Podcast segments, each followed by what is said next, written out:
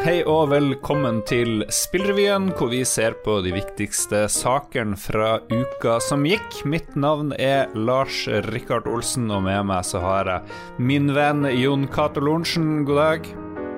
Glemte å si datoen. Ja, datoen 10. august 2020, hvis du hører det her om 50 år, og alt det eneste som eksisterer, er opptak av Spillrevyen.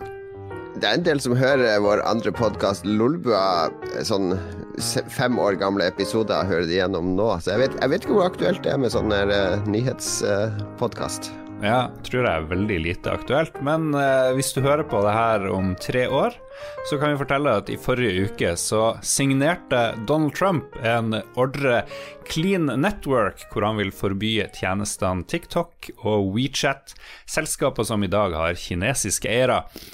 Gigantselskapet Tencent er i WeChat, i tillegg til en lang rekke spillselskaper som norske Funcom. Og eh, ordlyden i Trumps ordre kan tolkes dit at også spillselskaper med kinesiske eiere kan bli forbudt i USA. Uh, Seinere så har Det hvite hus klarlagt at det kun er WeChat og TikTok de går etter, men ordlyden i orden, ordrene er ikke endret etter at de først ble underskrevet, Jon Cato. Og Mannen er jo gal, det vet vi jo, men hva er det han uh, holder på med her?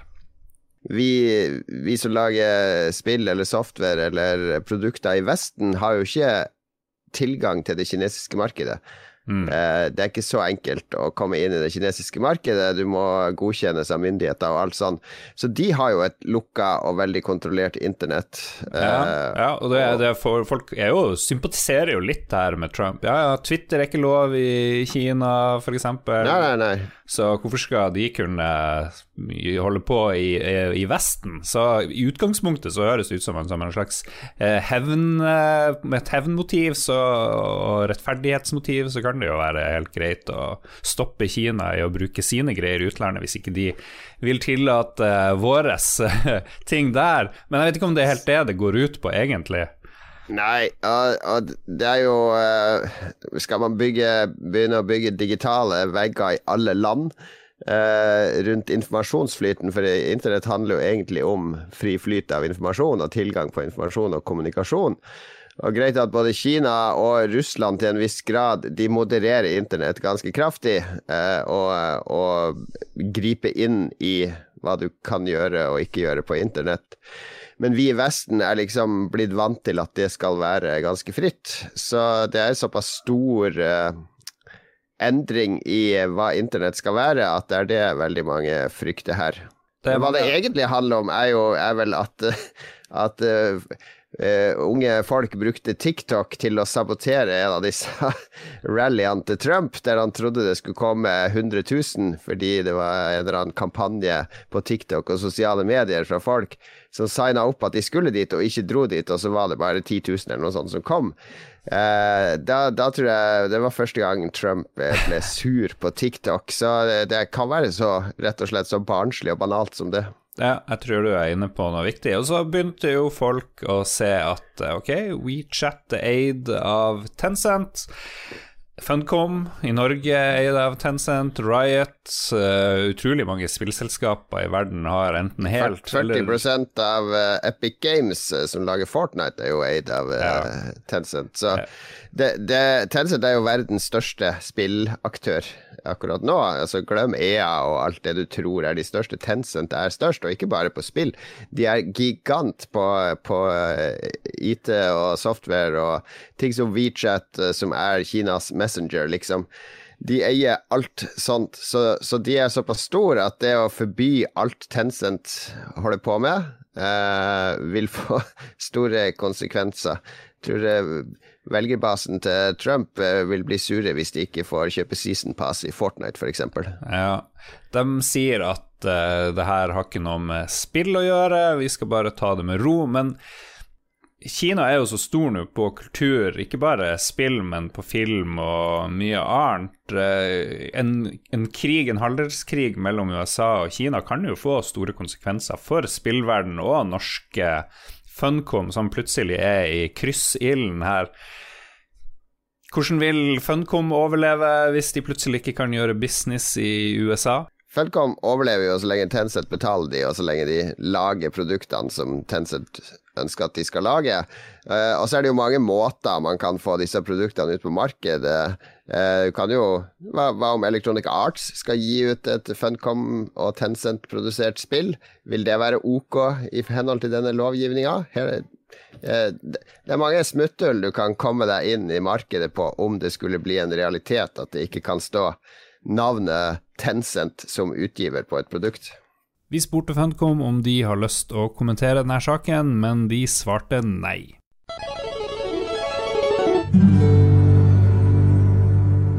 Selskapet Pineleaf Studio i Trondheim måtte til Manchester i England for å finne publisher til sitt spill Dwarfheim.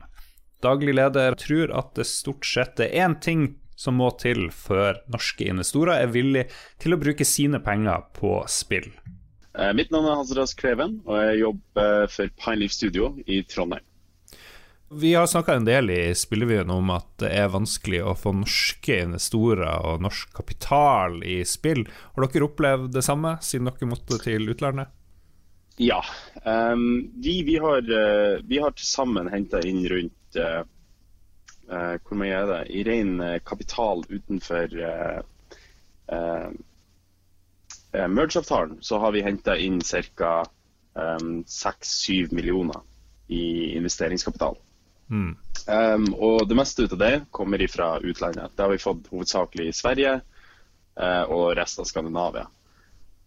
Men i Norge så sitter pengene, som du vet, litt strammere.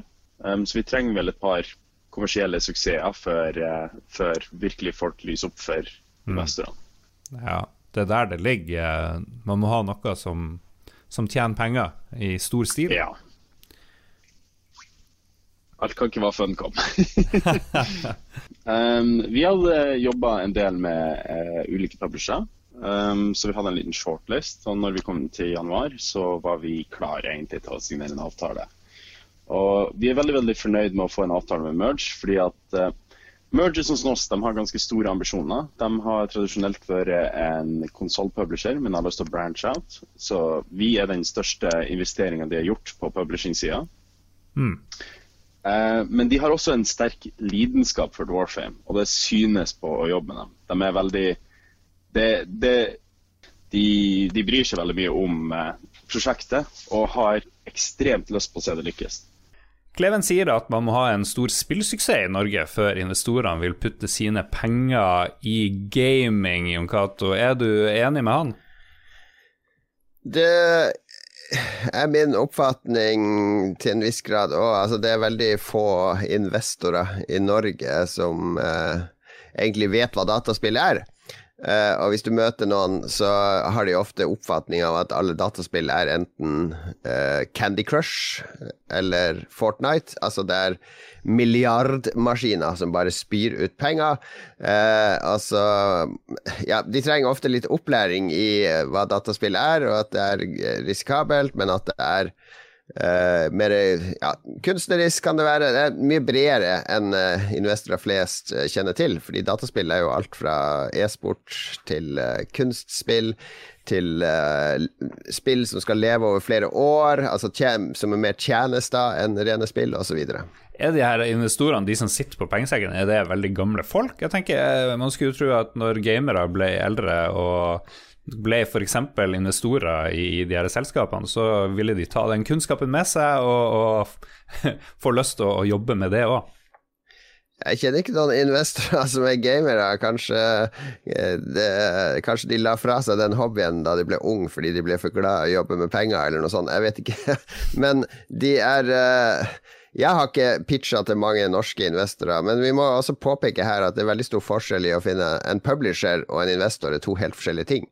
Eh, altså, det finnes Det er bare én norsk publisher, og det er Funcom.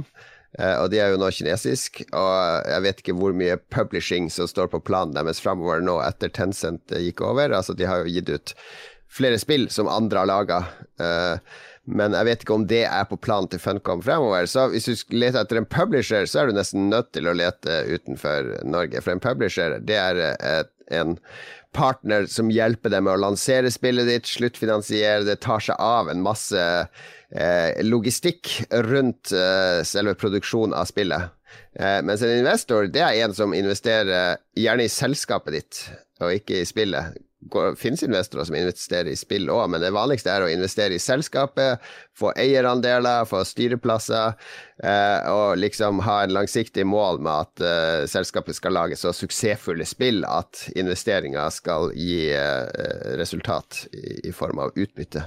Pineleaf i Trondheim har i 2020 vokst fra å ha 13 til i dag rundt 20 ansatte, og i forrige uke så ble det kjent at Jan Christian Hegel blir community manager og leder for QA-arbeidet. Det er vel liksom spilltester og ser at alt eh, funker. Eh, og kommer med innspill til utviklerne. Og Vi spurte først Kleven om hvordan det er å vokse så raskt, og så tok vi noen ord med Hegel sjøl om sin nye jobb og drømmer om fremtida. Dere har vokst ganske kraftig i år. Opp mot 20, rundt 20 ansatte i dag fra 13 da året begynte. Hvordan, hvordan påvirker det selskapet, og hvordan, utfordringer bringer det med seg? Eh, vel, Én ting er jo det at vi har jo, eh, helt siden vi starta det her i 2016, um, så har vi hatt eh, kontor på kontorfellesskapet WorkWork. Eh, men eh, som, som, du sier, da, med, med 20 ansatte, så begynner det å, opp mot 20 ansatte, så begynner det å bli ganske trangt. Så vi har nettopp flytta inn i nye lokaler, som vi så uh, nødvendig. Mm. Um, og ellers så har det egentlig gått uh, veldig, veldig bra. En ting som vi tror på veldig mye, det er jo det at vi tror veldig mye på samarbeid. Vi lager jo i så fall et uh, samarbeidsspill òg. Um, og vi tror på at de beste tingene blir skapt, og de beste opplevelsene blir hatt når du har folk som kommer fra forskjellige bakgrunner eller med forskjellige ting inn på laget. Um, så vi, vi, har et veldig stort fokus på et tverrfaglig team. da. Så vi, vi har folk som jobber 100% med 2D, folk som jobber 100% med animasjon, folk som jobber med visse deler innenfor programmering, og egne folk som jobber med administrasjon, og kun det. Uh, og det, det, tror vi er veldig veldig greit. For det er jo sånn som når du skal for eksempel, ta en raid i et, eh, en MMO. Du trenger noen til å være tank, og noen til å være support, og noen til å være liksom, damage. Mm. Jeg liker, jeg liker analogiene dine fra spillverdenen her. Må holde det relaterbart. uh, hva er det som skjer akkurat nå i studio? Dere kommer jo i Early Access om ikke så altfor lenge. Akkurat nå så fokuserer vi veldig mye på å polish og passe på at de tingene som vi har inne, er, er, bra. Det er ikke så mye lenger at vi skal presse inn mest mulig ting. Er, nå, nå, skal vi finpusse tingene. Passe på at det føles bra. Mm. Um, og det jeg tror er egentlig viktigste er at vi, vi har uh, public betas, da, som uh, vi uh, har mange testere på. Vi tror vi har rundt 12 000 testere totalt. Um, og, og, da er det veldig mye å høre på hva feedbacket deres er, og hva de hva de føler er de store tingene som er problemet med spillet. Og hvor er det på en måte De tingene som er best med spillet, vil vi jo selvfølgelig fremheve, og de som er verst, vil vi på en måte løse så fort som mulig. Ja, jeg heter Jan Kristian Heigel. Jeg er akkurat nå for tiden IKT-konsulent, og i september så flytter jeg opp til Trondheim og blir eh, QA-lead og community manager for Pineleaf, så det blir eh, veldig spennende. Hvor gammel er du, Jan Christian? Eh, Gud, jeg blir 30 i oktober, så de store 3-0. du, du, var jo en av våre første lyttere da vi starta Lolbua, husker jeg, og det er jo syv år siden. Og da drev du også eh, og, og, var en slags del av norsk spillindustri, husker jeg. Du drev og QA-testa kanskje allerede da, eller kan, kan, du fortelle litt om din vei inn i spillbransjen? Jo, uh, det har vært litt sånn opp og ned og fram og tilbake, vil jeg nesten si. Det begynte vel litt sånn når jeg holdt på med en podkast sjøl, når jeg studerte i Gjøvik i 2012-13. Mm. Og når det, er Rundt den tiden så stakk jeg til Spillekspo når det var første år, og der ble jeg kjent med en bergenser som heter Joremi fra Dpad Studio. Mm. Og vi kom godt overens sammen og begynte å prate litt, og på et eller annet tidspunkt så trengte jeg eh, noe kult, noe som ingen andre hadde, og det var Vikings som trampolines til, eh, til, å, til en 24 timers stream eh, vi gjorde med podkasten Back in the Day. Og etter det så holdt vi kontakten, og han spurte om jeg kunne gjøre noe testarbeid for han. Og siden det så har jeg egentlig holdt på med litt av og på-testing for Deephead Studios i ja, gud, ja, det er vel syv år nå. så eh, jeg har vært av og på her og der på det. Så både, både Owlboy og, og, Vikings og småting. Mm. Om litt mer enn en måned så begynner du ja. i ny jobb i Pineleaf. hva, hva, hva, tenker du om det? Eh, utrolig spent. Samtidig veldig det, det, virker veldig skummelt, men eh, jeg er hva skal jeg si, jeg har hatt en del ting jeg jo bare sånn OK, dette vet jeg ikke hvordan jeg gjør jeg finner det ut på veien. Uh, og det er, nest, litt samme følelse, bare at jeg føler jeg har mer taket på og grepet på ting nå. Med, med ting jeg har gjort tidligere, som å styre spillmakerlaget Vest og, og, Bergen Game Jam her i Bergen, med slike ting. Og holde communityen gående på, på spillutviklerfronten her i Bergen. Du har jobba som IT-konsulent, er det rett å si det? nå i det siste? Ja, det, det, det stemmer. I, ja. I, fylkeskommunen her på Vestlandet bor det en liten uh, Det bor jo åpenbart en spillutvikler i magen din, men har du, har du noe lyst til å lage, være med å produsere spill, lage spill? Har du noen langsiktige planer i bransjen? Til å begynne med, så altså Jeg har jo noen spillideer sjøl, så jeg har lyst til å prøve å se hva som blir av. Men jeg tror jeg er mer sånn soloprosjekt eventuelt, uh, for noe veldig smått. Uh, du, ting jeg har tenkt på lenge. Uh, men uh, hvis, uh, hvis, livet går videre som jeg vil, så uh, tror jeg en av drømmerollene mine er jo form for producer, vil jeg si.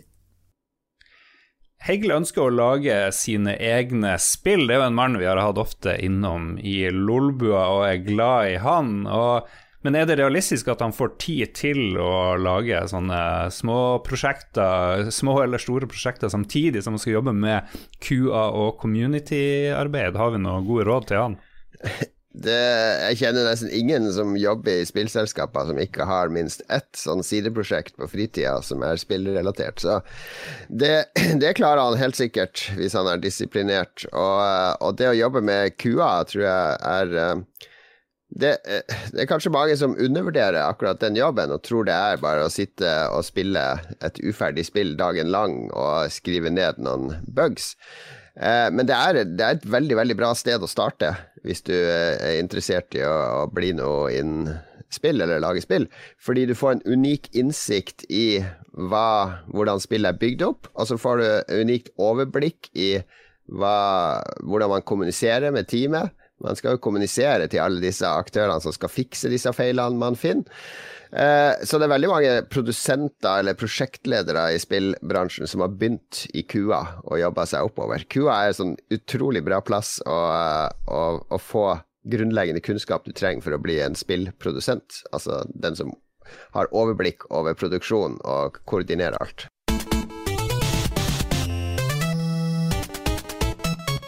Microsofts streamingtjeneste for spill Xcloud kommer til mobiltelefoner 15.9. har de nylig avslørt at det kommer 100 spill, eh, som Sea of Thieves, Forsa, Halo osv. skal være tilgjengelig, men tjenesten kommer ikke til vi som eier Apple-telefoner.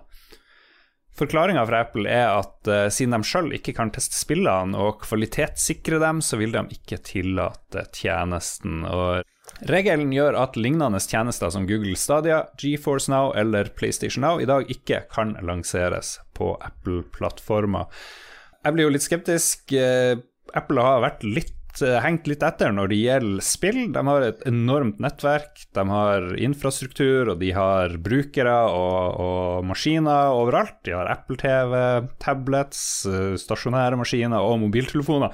Men de har liksom ikke utnytta det her så veldig godt, virker det som, i spilløyemed. Når, når, når, sånn, I mine øyne, og jeg lurer på hvor lurt er det av Apple å nå skal henge etter også når det gjelder eh, de her type tjenestene. Dette er helt tullete av Apple, spør du meg. Altså, de kan ikke selv teste spillene og kvalitetssikre dem. Har de sett alle filmene som går på Netflix, eller hørt all musikken som er på Spotify? Er alt det forhåndsgodkjent av Apple? Det er bare tull. Det er greit sagt. så er det jo Men har vi lyst til å spille Halo og alle de her X-Cloud-tingene på mobilene våre? Ja, hva, har, hva du har lyst til, og hva som skal være mulig, er jo to helt forskjellige ting. Altså Dette er jo bare streaming av spill, og dette er jo bare snakk om å streame de til en hvilken som helst skjerm. Xcloud kan jo komme innebygd i TV-apparater og alt mulig annet i framtida, for alt vi vet. Så at du slipper å ha en konsoll, du kan spille Halo direkte på TV-en din. Så det at Apple stenger ute noe som potensielt kan bli eh, en, en, en måte En primærmåte i framtida for å spille spill på, virker veldig korttenkt. Men jeg tror nok Apple Hvis dette får kritisk momentum, og det blir sånn at alle konkurrentene har det, at det blir brukt mye hos alle konkurrentene, så kommer de selvfølgelig til å åpne dørene for å slippe dette til på sine plattformer òg. Men det sitter veldig langt inne for de her og alle andre portaler som liksom har uh, kontroll på distribusjon og har denne ekstremt lukrative 30 %-cutten av alle uh, salg som blir gjort på sine plattformer, mm. og slippe opp uh, og slippe løs ting. Altså, Apple har jo slitt med det her lenge. Jeg vet ikke om du kjenner til, men Marvel-tegneserier, sånn comic book store-applikasjoner eh, som kom på iPad når det var fresh. Der kunne man kjøpe tegneserier gjennom disse ja. applikasjonene, og så begynte Apple å si nei, nei, dette er ikke lov, du må betale eh, Vi skal ha en cut av hver eneste tegneserie som blir solgt. Så, så Apple har holdt på sånn her lenge. Ja, jeg tenker jo at uh, for første gang på lenge så driver jeg igjen og vurderer hm, er det Apple-telefoner jeg skal ha i fremtida. Fordi jeg tenker jo at det her kan bli veldig stort og veldig fint. Og fordi det klassiske spørsmålet er jo blir den uh, neste konsollgenerasjonen uh, den siste? Skal vi, skal vi snart kanskje gå over til å bare streame alle de her spillene? Ja, jeg tror ikke det blir den siste. Jeg tror nok heller det blir mye mer bredde i måten man kan spille spill på. Så konsollene vil være der for de som ønsker den direkte og eh, liksom high end-opplevelsen, uh, ha kontroll på den, mens disse andre måtene å spille på For den oppvoksende generasjonen så tror jeg ikke det spiller så stor rolle om du har en konsoll, bare du får tilgang til Fortnite og f.eks. Roblox, som spilles i nettleseren, og som kanskje er verdens mest populære spill akkurat nå. Du trenger ingen konsoll til 6000 kroner for å spille Roblox. Det er enkelt og gøy og kan spilles hvor som helst. Så, så jeg tror nok bare vi får en større bredde uten at det ene eller andre tar over helt. Jeg er jo enig med deg at det blir vanskelig å beholde Apple-telefonen hvis, hvis, de også blir en sånn lukka diktatur styrt av en, en, eller annen teknologiprofet. Og da har vi et problem. Ikke kan vi kjøpe Apple, ikke kan vi kjøpe Huawei, for da er det Kina.